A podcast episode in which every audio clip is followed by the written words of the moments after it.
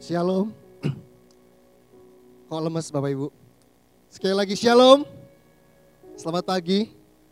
Saya bersuka cita, bersyukur bisa kembali ada di gereja ini, di jemaat ini.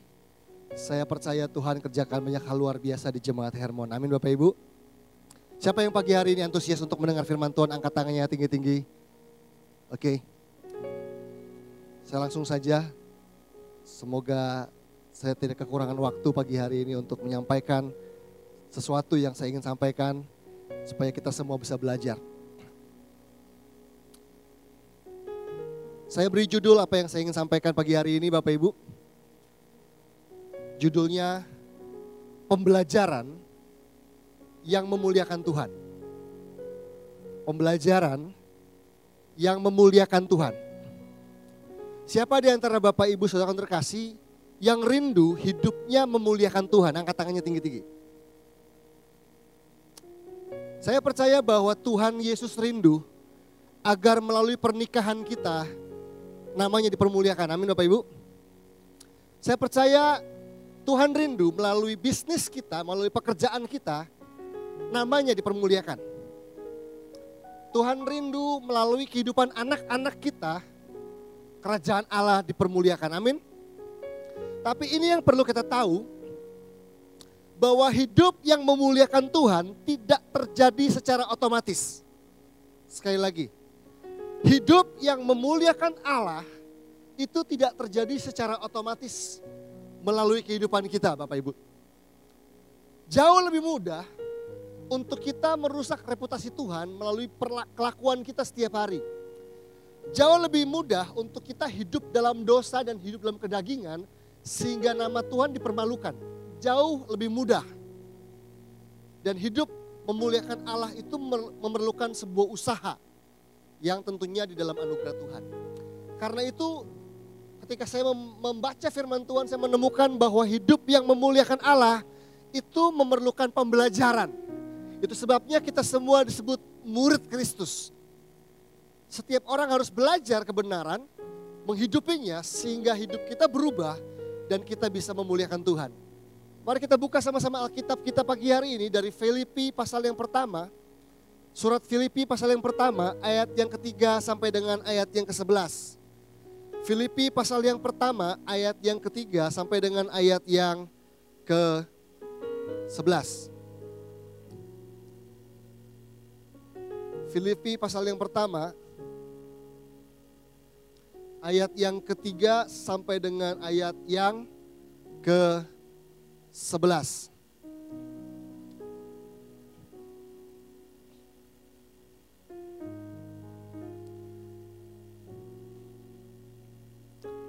Filipi pasal yang pertama ayat yang ketiga sampai dengan ayat yang ke-11. Ucapan syukur dan doa. Aku mengucap syukur kepada Allahku setiap kali aku mengingat kamu. Dan setiap kali aku berdoa untuk kamu semua Aku selalu berdoa dengan sukacita.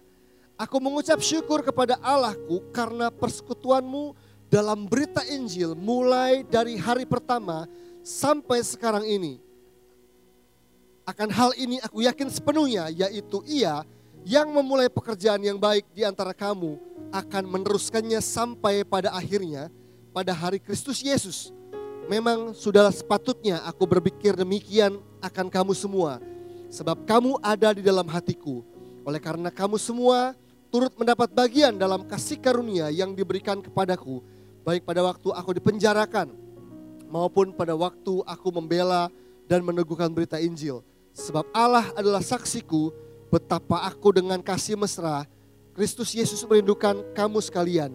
Dan inilah doaku, semoga kasihmu makin melimpah dalam pengetahuan yang benar dan dalam segala macam pengertian sehingga kamu dapat memilih apa yang baik supaya kamu suci dan tak bercacat menjelang hari Kristus penuh dengan buah kebenaran yang dikerjakan oleh Yesus Kristus untuk memuliakan dan memuji Allah. Katakan amin Bapak Ibu.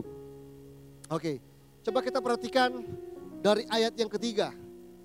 Bapak Ibu sudah terkasih, surat Filipi ditulis oleh Rasul Paulus kepada sebuah jemaat di kota Filipi Dan kalau kita membaca empat pasal yang terdapat di uh, kitab ini atau surat ini, kita akan mendapati bahwa jemaat di Filipi adalah jemaat yang sehat secara rohani. Komunitas yang sehat, yang bertumbuh dengan baik, yang menghasilkan sukacita dan ucapan syukur dalam kehidupan Rasul Paulus. Dan saya berdoa, jemaat di Hermon seharusnya sama seperti jemaat di Filipi. Jemaat yang memiliki kehidupan rohani yang sehat. Katakan amin Bapak Ibu. Coba dilihat di ayat yang ketiga dikatakan begini. Rasul Paulus bilang begini, aku mengucap syukur kepada Allahku setiap kali aku mengingat kamu. Dan setiap kali aku berdoa untuk kamu semua, aku selalu berdoa dengan sukacita.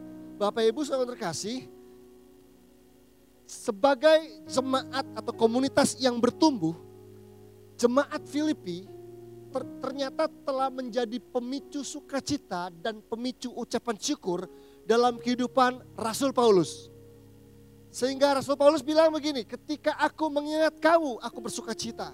Ketika aku berdoa untuk kamu, aku bersyukur karena melihat pertumbuhan yang terjadi, karena melihat pekerjaan-pekerjaan Tuhan yang luar biasa, karena melihat buah-buah yang keluar dari gereja, dari jemaat, dari komunitas yang ada di kota Filipi. Dan saya berdoa Bapak Ibu, jemaat di gereja ini menjadi jemaat yang bertumbuh dan menghasilkan buah. Sehingga setiap kali orang mengingat pribadi-pribadi yang ada di gereja ini membangkitkan ucapan syukur dan sukacita. Katakan amin Bapak Ibu. Hidup kita orang Kristen harus mengalami pertumbuhan. Sehingga kita menjadi pribadi-pribadi yang dewasa. Katakan dewasa. Ini dia. Hidup yang bertumbuh menjadi dewasa adalah hidup yang berpindah dari hidup yang tadinya jadi beban pikiran, berubah berpindah menjadi hidup yang memicu sukacita dan ucapan syukur dalam hidup orang lain. Bapak Ibu saudara terkasih, kalau kita sebagai orang Kristen, kita punya cara hidup nggak baik, kita masih hidup dalam perbudakan, kita masih hidup dalam dalam ketidakdewasaan, kita hidup dalam kemunduran rohani, Percayalah bahwa hidup kita akan jadi beban pikiran orang lain. Saya yakin di tempat ini mungkin ada orang tua-orang tua yang Anda masih bergumul karena anak-anak Anda masih jadi beban pikiran dalam hidup Anda. Mungkin anak-anak Anda masih sekolah, kuliah, atau bahkan sudah menikah. Tapi hidupnya nggak baik, hidupnya masih tertatih-tatih, pergaulannya nggak baik, finansialnya nggak baik, pernikahannya penuh konflik, bahkan mungkin diambang perceraian. Dengan kata lain, mungkin Anda punya anak-anak yang hidupnya jadi beban pikiran dalam kehidupan Anda. Atau mungkin sebaliknya, di sini ada anak-anak yang punya orang tua, yang orang tuanya hidupnya kurang baik, jalanin bisnis gak baik, makin tua bukan makin rohani, makin jadi, dan jadi beban pikiran anak-anak. Bapak Ibu saudara terkasih, saya percaya hidup kita bisa punya masalah. Amin. Amin. Hidup kita bisa punya masalah. Dan satu kali mungkin hidup kita bisa jadi beban pikiran orang lain. Karena kita punya masalah.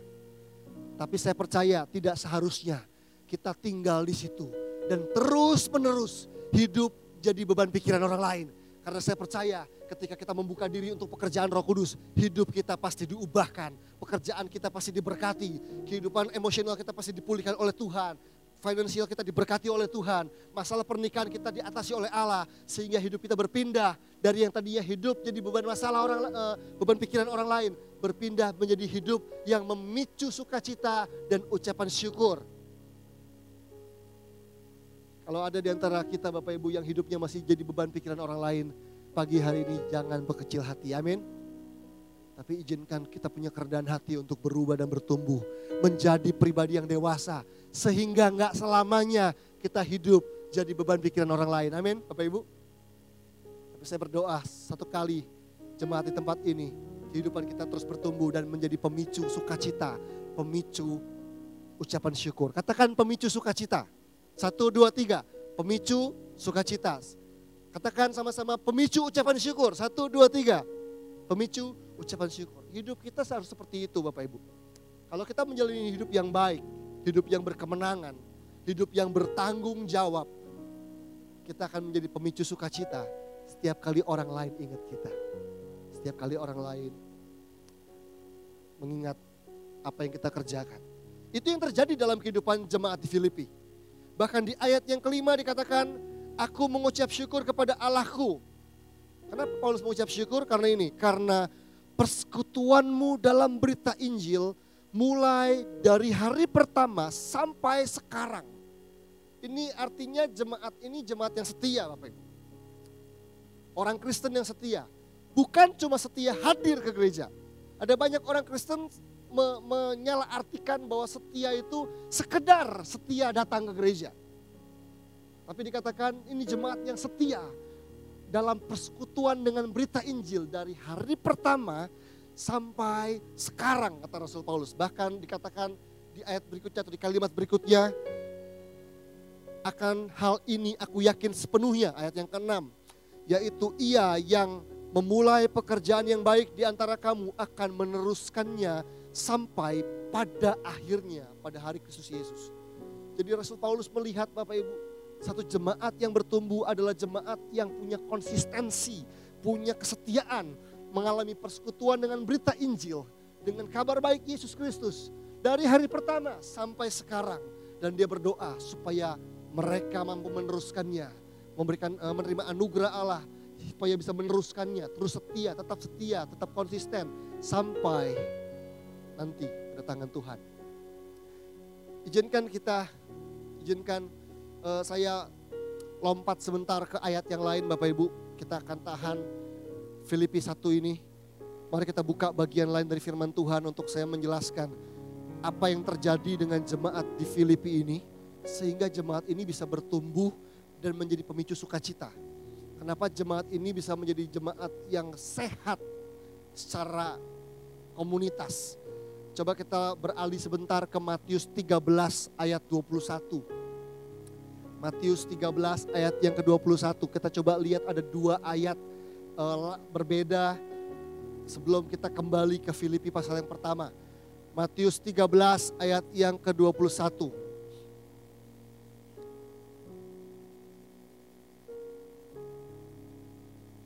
Matius 13 ayat yang ke-21.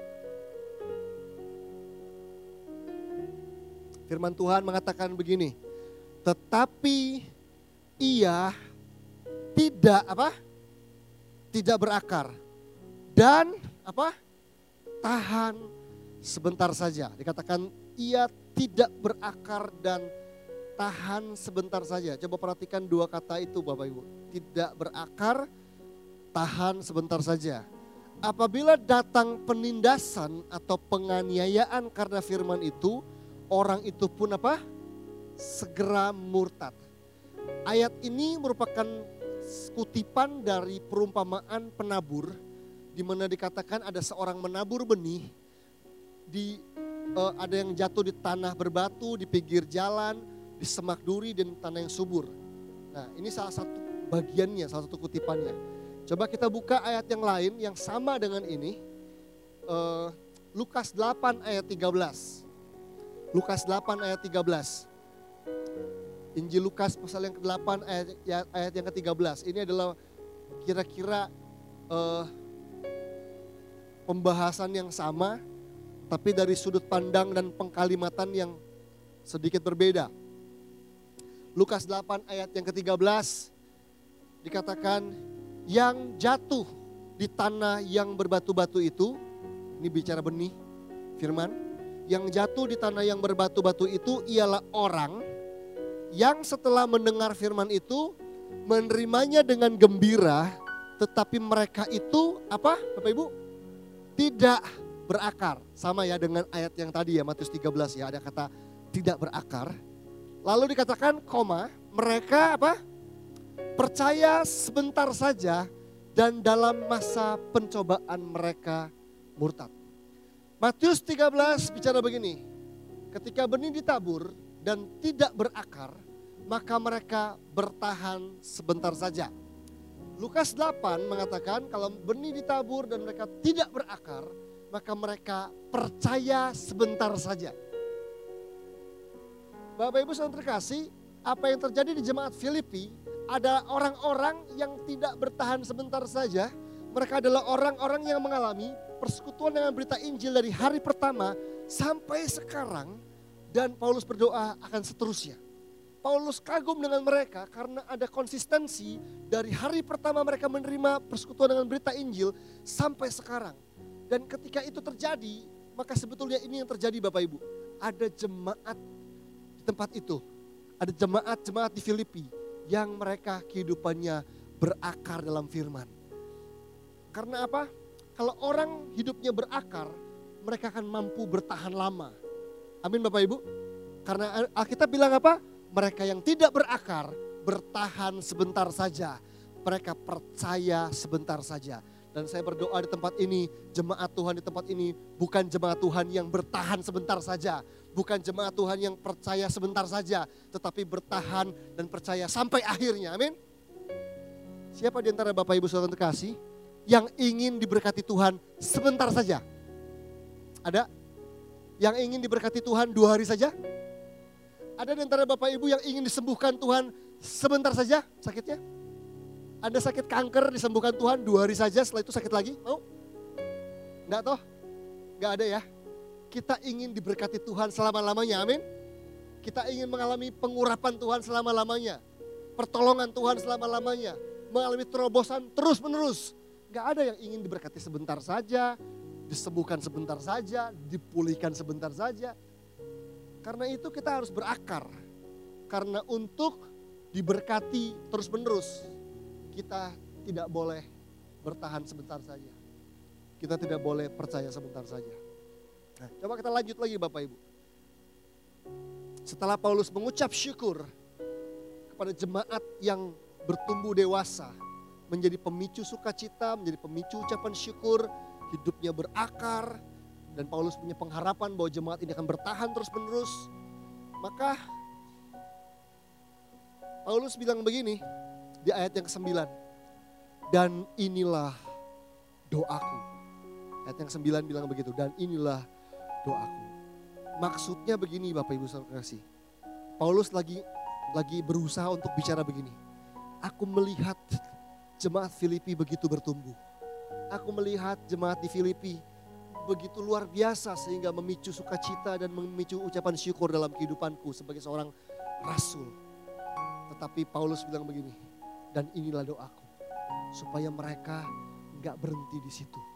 Walaupun mereka sudah bertumbuh, walaupun mereka sudah mengalami kemajuan, walaupun mereka sudah sehat secara komunitas, mereka nggak boleh berhenti di situ. Mereka bisa masih bisa jauh lebih lagi, jauh lebih lagi, bertumbuh lebih lagi. Dan apa yang menjadi doa Paulus, apa yang menjadi doa Paulus di dalamnya terdapat lima pembelajaran Bapak Ibu. Ada lima pembelajaran yang melalui doa Paulus kita dapat temukan supaya melalui lima pembelajaran ini, melalui lima pembelajaran ini, hidup kita bisa memuliakan Tuhan. Oke, kita akan lihat satu persatu dengan cepat uh, lima pembelajaran bagaimana hidup kita sebagai orang percaya bisa memuliakan Tuhan. Ayat yang ke-9 mengatakan begini, dan inilah doaku apa? Semoga kasihmu makin melimpah dalam pengetahuan yang benar dan dalam segala macam pengertian, sehingga kamu dapat memilih apa yang baik, supaya kamu suci dan tak bercacat menjelang hari Kristus, penuh dengan buah kebenaran yang dikerjakan oleh Yesus Kristus untuk memuliakan dan memuji Allah. Coba kita lihat pembelajaran yang pertama. Saya akan sesuaikan urutannya Bapak Ibu. Semoga kasihmu makin melimpah dalam pengetahuan yang benar dan dalam segala macam pengertian. Pembelajaran yang pertama adalah untuk kita bisa memuliakan Tuhan adalah kita harus memiliki pengetahuan dan pengertian akan kebenaran. Pembelajaran yang pertama adalah sebagai orang Kristen, sebagai jemaat Tuhan di tempat ini, kita harus memiliki pengetahuan dan pengertian akan kebenaran. Bapak Ibu Saudara terkasih, pengetahuan dan pengertian adalah dua hal yang berbeda. Pengetahuan akan kebenaran dan pengertian akan kebenaran adalah dua hal yang berbeda. Pengetahuan datang karena informasi sekali lagi. Pengetahuan datang karena apa? Informasi. Waktu kita membaca firman Tuhan, kita membaca Alkitab, saya percaya Alkitab pun memberikan kita apa?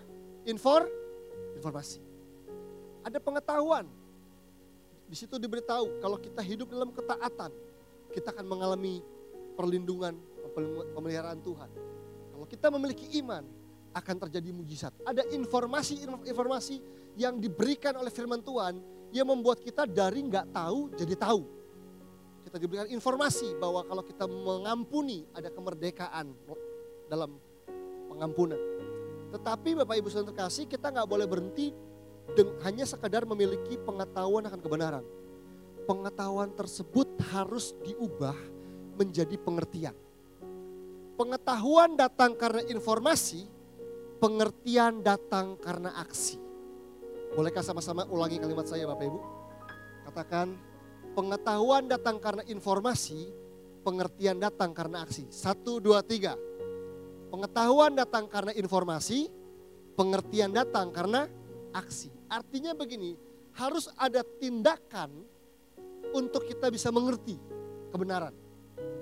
Saya akan berikan sebuah contoh. Sekitar 11 tahun yang lalu, saya melayani sebuah retret anak muda. 11 tahun yang lalu, sebuah camp anak muda.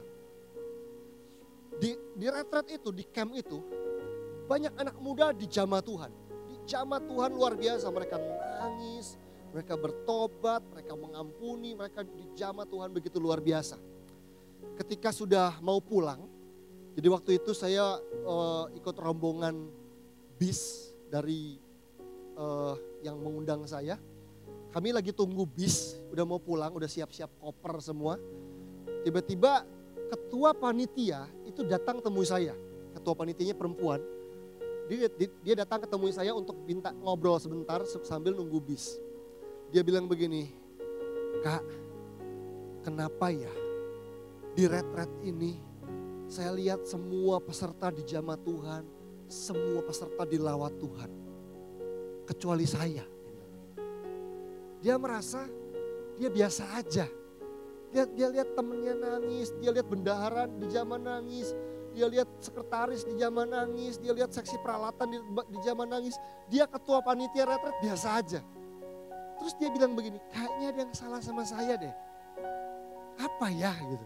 Ini semua orang di jamaah Tuhan, bisa punya cerita, kesaksian, kemenangan, kok saya enggak gitu. Ini kita, udah nginep dua hari ini, saya kok pulang enggak membawa sesuatu sepertinya. Tidak mengalami jamahan Tuhan. Apa ada yang salah dengan saya? Saya bilang gitu. Dia, dia, dia bilang begitu. Saya bilang, waduh, kayaknya untuk cari tahu tentang apa yang terjadi dalam kamu itu perlu waktu untuk konseling. Kita tuh lagi nunggu bus, nunggu bis sudah mau jemput kita tapi saya bilang, oke okay, saya akan coba dengan cepat apakah saya bisa membantu kamu, saya bilang begitu. Lalu saya tanya beberapa hal Bapak Ibu kepada ketua panitia ini. Singkat cerita saya tanya, bisa nggak kamu sebutkan sama saya dua atau tiga, dua atau tiga pengalamanmu yang paling pahit dan paling buruk di masa lalu. Bisa nggak kamu ceritakan? Terus dia diam sebentar. Bisa, dia bilang. Bisa. Bahkan bahkan banyak dia bilang begitu. Saya bisa cerita banyak tentang pengalaman pahit dan pengalaman buruk di masa lalu. Oke, kamu bisa cerita nggak sama saya, kamu dibesarkan di keluarga seperti apa?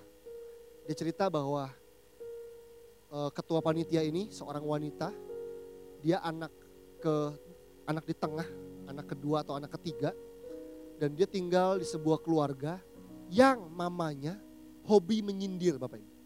Hobinya menyindir. Hobinya kalau nggak suka nyindir, anak-anak disindir, ingin sesuatu disindir gitu ya. Ah kamu nggak sayang sama mama, nggak mau beliin ini. Eh, pokoknya hobinya nyindir lah gitu kira-kira.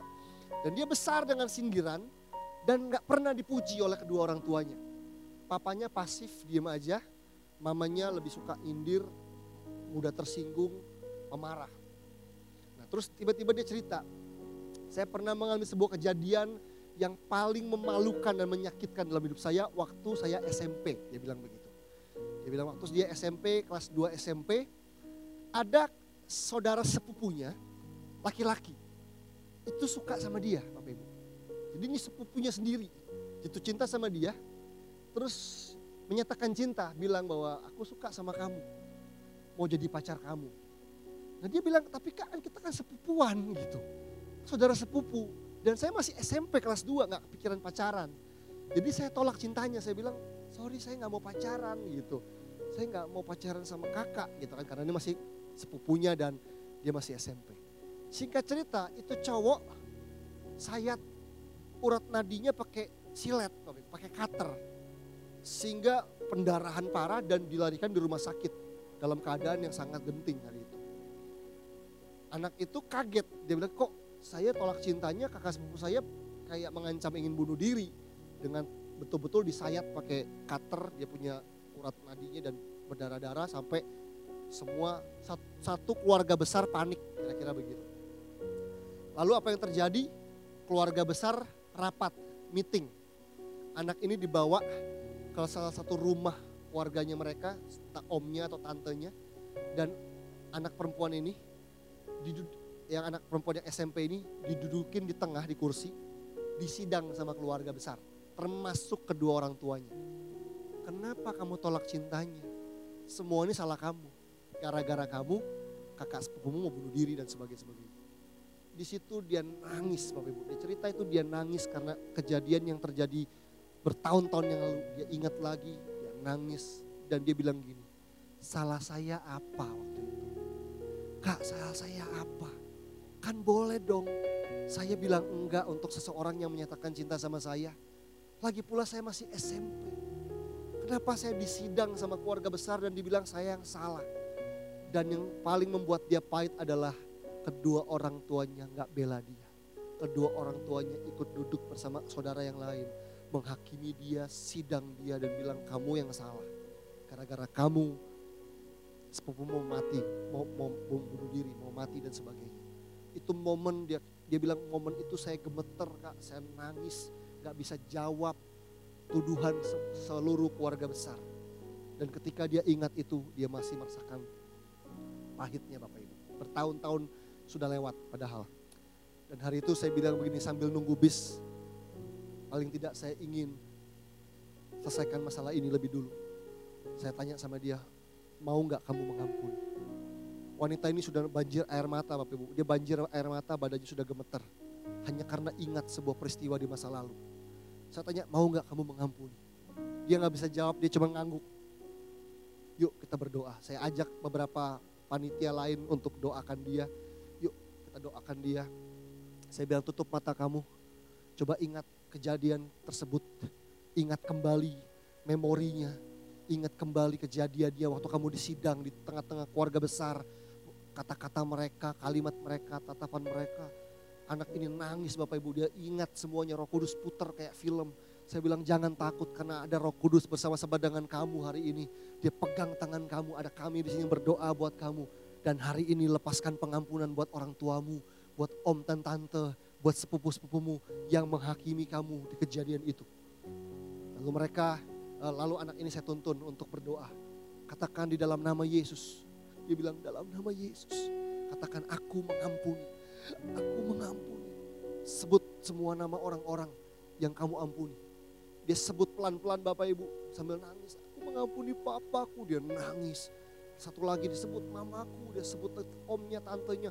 Dia nangis jadi-jadinya nangis jadi badannya badannya terguncang dan kita semua berdoa buat dia. Sekian hampir 10 menit dia nangis. Itu betul-betul histeris. Anak ini pemalu sebetulnya. Wanita ini tipenya pemalu tapi hari itu dijerit dia dia keluarkan semua beban yang ada di hatinya dia.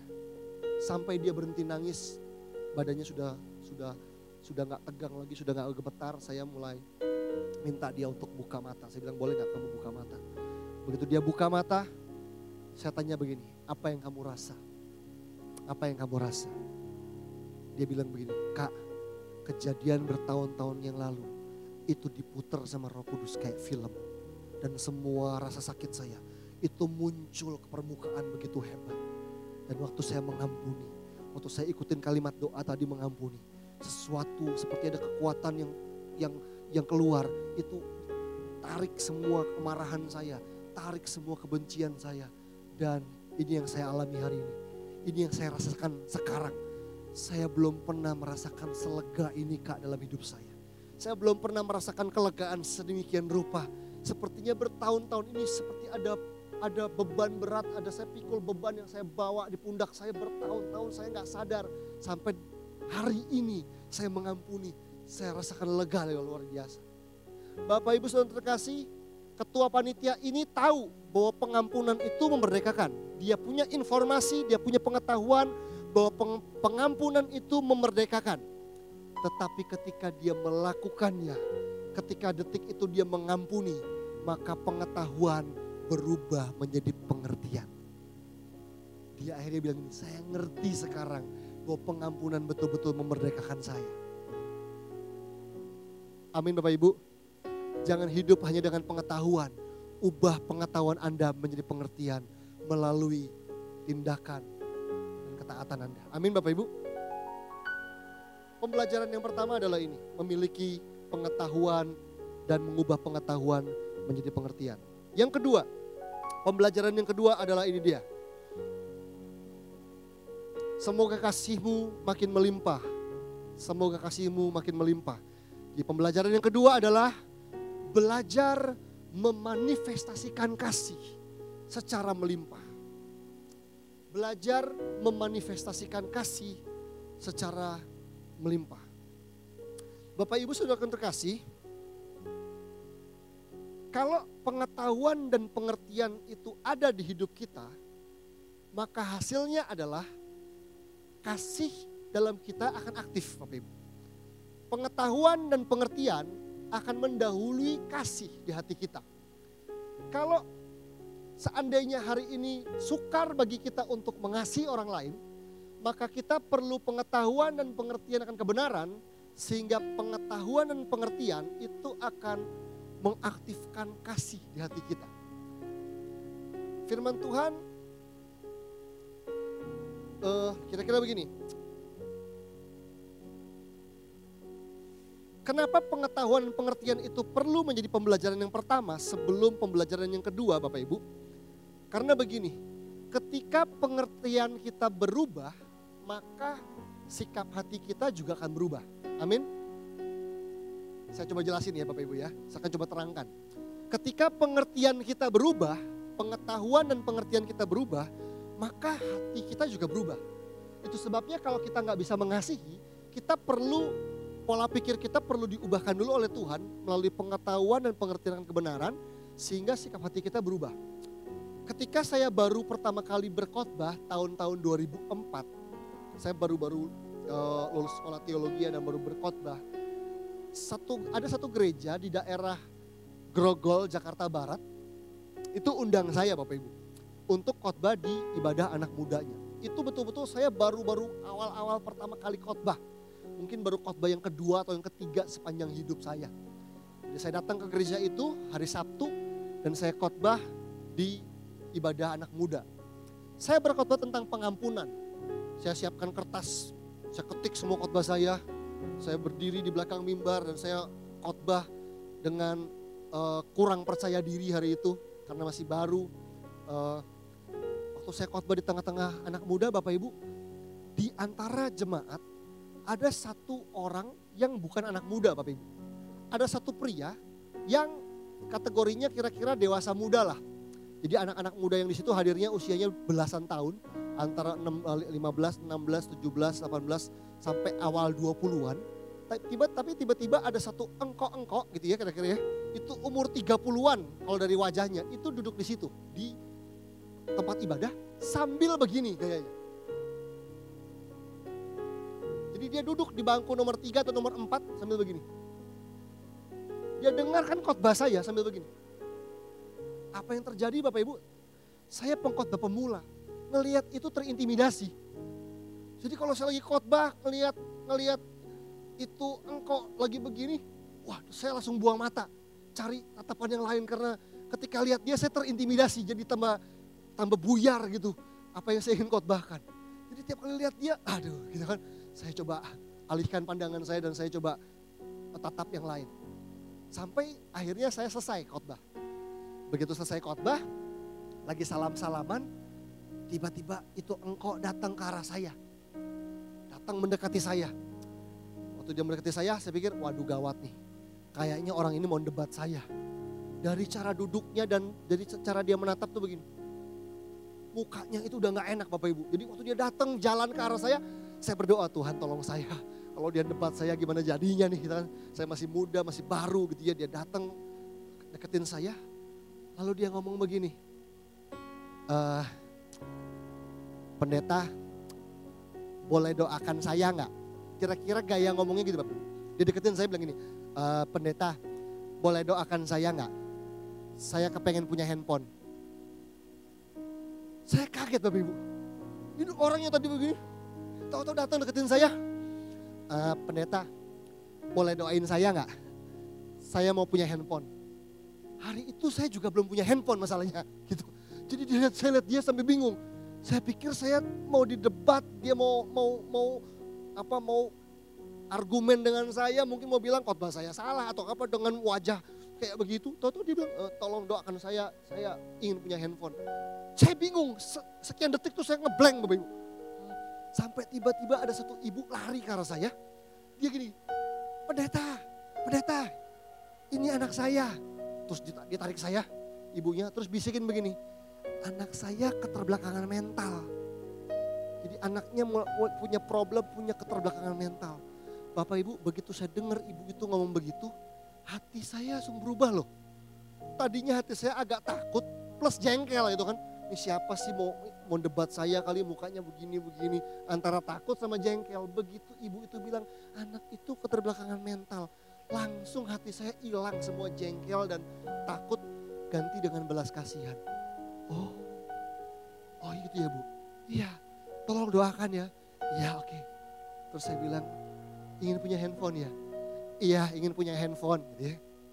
Saya juga, saya bilang gitu. Saya nggak punya handphone. Yuk kita berdoa sama-sama yuk. Saya rangkul, saya doa. Tapi dari sini saya punya pelajaran. Begitu saya punya pengertian, pengertian saya berubah, hati saya berubah Bapak Ibu. Kalau hati kita sukar untuk mengasihi, kadang-kadang kita perlu diubahkan pola pikir kita oleh Tuhan. Amin.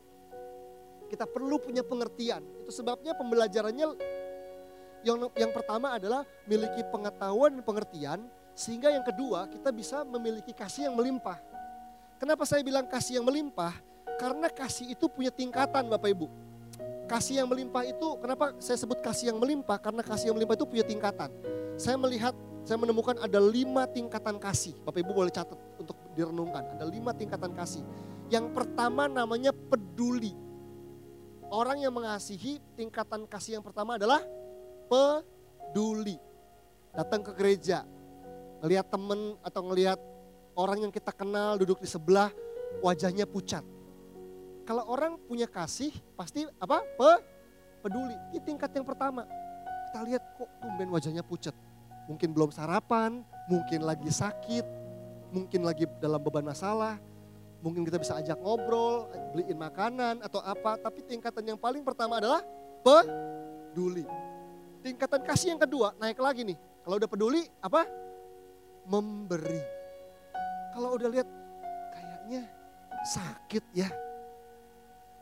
Tanya perlu obat bu? Atau di lapar mau dibeliin makanan sama tante dan sebagainya tingkatan yang kedua adalah memberi. Jadi kalau Bapak Ibu Saudara terkasih Anda mengasihi dengan cara memberi, itu baru tingkatan kedua. Dari pertama peduli, kedua adalah memberi. Tingkatan yang ketiga namanya terlibat. Katakan sama-sama terlibat. Memberi cuma kasih uangnya doang. Tapi terlibat itu kasih waktu, kasih hati, kasih kehadiran. Terlibat. Jadi tingkatan yang pertama namanya peduli lihat orang dalam masalah peduli. Kedua, memberi. Ketiga, mulai terlibat. Nah kalau terlibat, udah masuk terlibat, biasanya nggak enak nih Bapak Ibu. Kalau udah mulai terlibat, biasanya ada gesekan, ada kekecewaan, orang yang kita tolong nggak sesuai harapan, kelakuannya dan sebagainya. Itu sebabnya kita perlu yang keempat, tingkatan kasih yang keempat, yang namanya mengampuni. Katakan mengampuni. Dan baru tingkatan kasih yang kelima adalah berkorban. Berkorban artinya rela dirugikan, bahkan rela berada dalam bahaya demi menolong kepentingan orang lain. Tapi ini tingkatannya. Yang pertama peduli, yang kedua apa? Memberi, yang ketiga terlibat, yang keempat mengampuni, yang kelima berkorban. Ketika Alkitab bilang kamu harus memiliki kasih yang melimpah, itu artinya kita harus memiliki kasih sampai lima level ini Bapak Ibu. Nggak cuma peduli, nggak cuma memberi, tapi sampai terlibat, mengampuni, dan berkorban. Nah, pembelajaran berikutnya setelah kita memiliki kasih, pengertian, pengetahuan, dan pengertian menghasilkan kasih yang melimpah. Kasih yang melimpah menghasilkan yang ketiga, pembelajaran yang ketiga, yaitu memilih apa yang benar. Katakan sama-sama memilih apa yang benar. Nah, kalau kita sudah dipenuhi dengan kasih yang melimpah, maka firman Tuhan ingin kita menjadi orang-orang yang bisa memilih apa yang benar. Setiap hari kita diperhadapkan dengan pilihan Bapak Ibu. Ada banyak pilihan di hidup kita untuk taat pada kebenaran atau tidak untuk mengampuni atau tidak mengampuni, untuk kompromi atau tidak, untuk iri hati atau punya kebesaran hati, dan sebagainya. Kita punya pilihan. Dan saya berdoa kita semua diberikan oleh hikmat oleh Tuhan untuk memilih apa yang benar. Karena kita hanya bisa memuliakan Tuhan kalau kita memilih apa yang benar. Amin Bapak Ibu.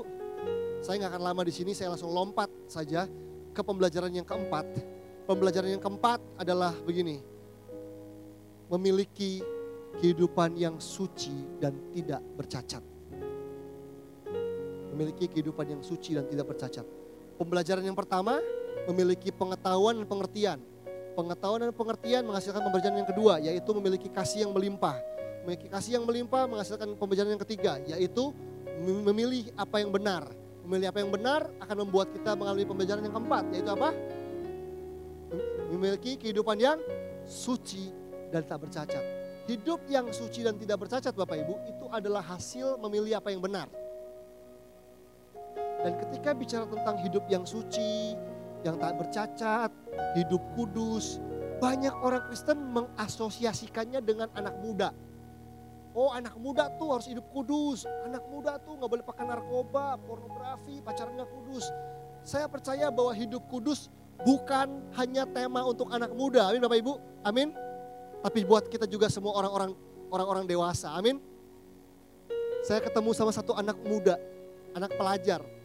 Waktu itu saya sedang melatih sebuah uh, uh, leadership camp di salah satu sekolah internasional. Ada seorang anak perempuan kelas 2 SMA di sekolah yang sangat mahal, sangat bagus di Jakarta. Namanya Valerie. Dia bilang begini sama saya, Kak, dulu waktu saya SMP, saya cinta Tuhan Waktu saya SMP, saya melayani Tuhan dengan sangat rajin, dengan sangat giat. Tetapi sekarang saya kelas 2 SMA, saya sudah jadi ateis. Saya nggak percaya Tuhan, saya berhenti pelayanan, saya tinggalkan gereja. Saya tanya, kenapa? Anak ini jujur. Saya tanya, tapi kenapa kamu tinggalkan Tuhan, kamu nggak pelayanan lagi? Karena saya kecewa dengan orang tua saya dan guru agama Kristen di sekolah saya. Saya terdiam Bapak Ibu. Saya coba pikir sayang banget. Ada seorang anak yang pernah cinta Tuhan di masa SMP-nya. Tapi SMA dia tinggalkan Tuhan. Lalu dia bilang begini, menurut saya orang tua suka gak adil. Anak itu bilang begitu. Orang tua suka gak adil. Orang tua saya selalu mencap saya nakal. Mereka selalu bilang saya nakal. Menurut saya mereka yang nakal. Saya kaget dia bilang gitu. Menurut saya orang tua yang nakal.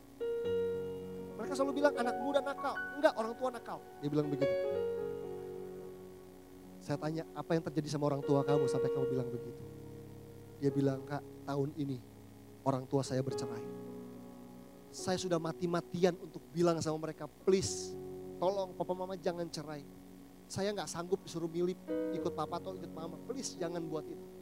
Dan mereka nggak peduli saya selingkuh, mama saya ini itu. Pokoknya mereka akhirnya nggak pernah peduli dengan saya dan mereka berpisah. Dan dia bilang, orang tua saya nggak pernah mikirkan perasaan saya sebagai Mereka bilang saya nakal, enggak, mereka yang nakal. Bapak Ibu saudara kasih, saya melihat banyak orang tua bergumul untuk hidup benar di hadapan Tuhan. tema kesucian dan kekudusan itu bukan cuma temanya anak muda, tapi tema kita semua. Karena Alkitab berkata apa? Kuduslah sebab aku kudus kata Tuhan. Tuhan yang kudus menghendaki kita hidup kudus. Amin Bapak Ibu. Dan kita hanya bisa hidup suci dan tidak bercacat kalau kita bisa apa? Memilih apa yang benar. Amin. Kita hanya bisa memuliakan Tuhan kalau kita memilih apa yang benar dan kita masuk pada pembelajaran yang terakhir, yang kelima. Kalau kita ingin memuliakan Tuhan. Pembelajaran yang kelima untuk memuliakan Tuhan ialah menghasilkan buah yang memuliakan dan memuji Allah. Menghasilkan buah yang memuliakan dan memuji Allah. Untuk buah bisa dihasilkan di hidup kita Bapak Ibu perlu ada benih. Betul nggak? Kalau nggak ada benih nggak bakal keluar buah. Makanya firman itu harus tertanam dalam hidup kita, harus kita izinkan berproses di dalam kita sehingga bertumbuh dan menghasilkan buah. Tanpa keluar buah, hidup yang memuliakan Tuhan nggak akan terjadi Bapak Ibu tanpa luar buah dari kehidupan kita, hidup yang memuliakan Allah tidak akan terjadi dalam kehidupan kita. Karena itu, hidup yang memuliakan Tuhan adalah sebuah pembelajaran. Sebuah pembelajaran. Pembelajaran seperti apa? Saya akan rangkum kelima hal tadi. Bahwa untuk kita memuliakan Tuhan, kita perlu yang pertama adalah memiliki pengetahuan dan pengertian akan kebenaran. Lalu pengetahuan dan pengertian akan kebenaran menghasilkan apa? Kasih yang melimpah-limpah. Lalu kasih yang melimpah-limpah itu akan membawa kita untuk apa? Memilih apa yang benar. Memilih apa yang benar akan membawa kita pada satu kehidupan yang suci dan tak bercacat. Kehidupan yang suci dan tak bercacat akan membuat kita menghasilkan buah yang memuliakan dan memuji Allah. Akhir kata begini Bapak Ibu hidup yang memuliakan Tuhan itu nggak otomatis. Perlu lima pembelajaran ini kita lakukan dalam kehidupan kita. Sehingga hidup kita memuliakan Allah. Amin. Tuhan memberkati kita semua. Mari kita semua bangkit berdiri Bapak Ibu. Mari kita semua bangkit berdiri.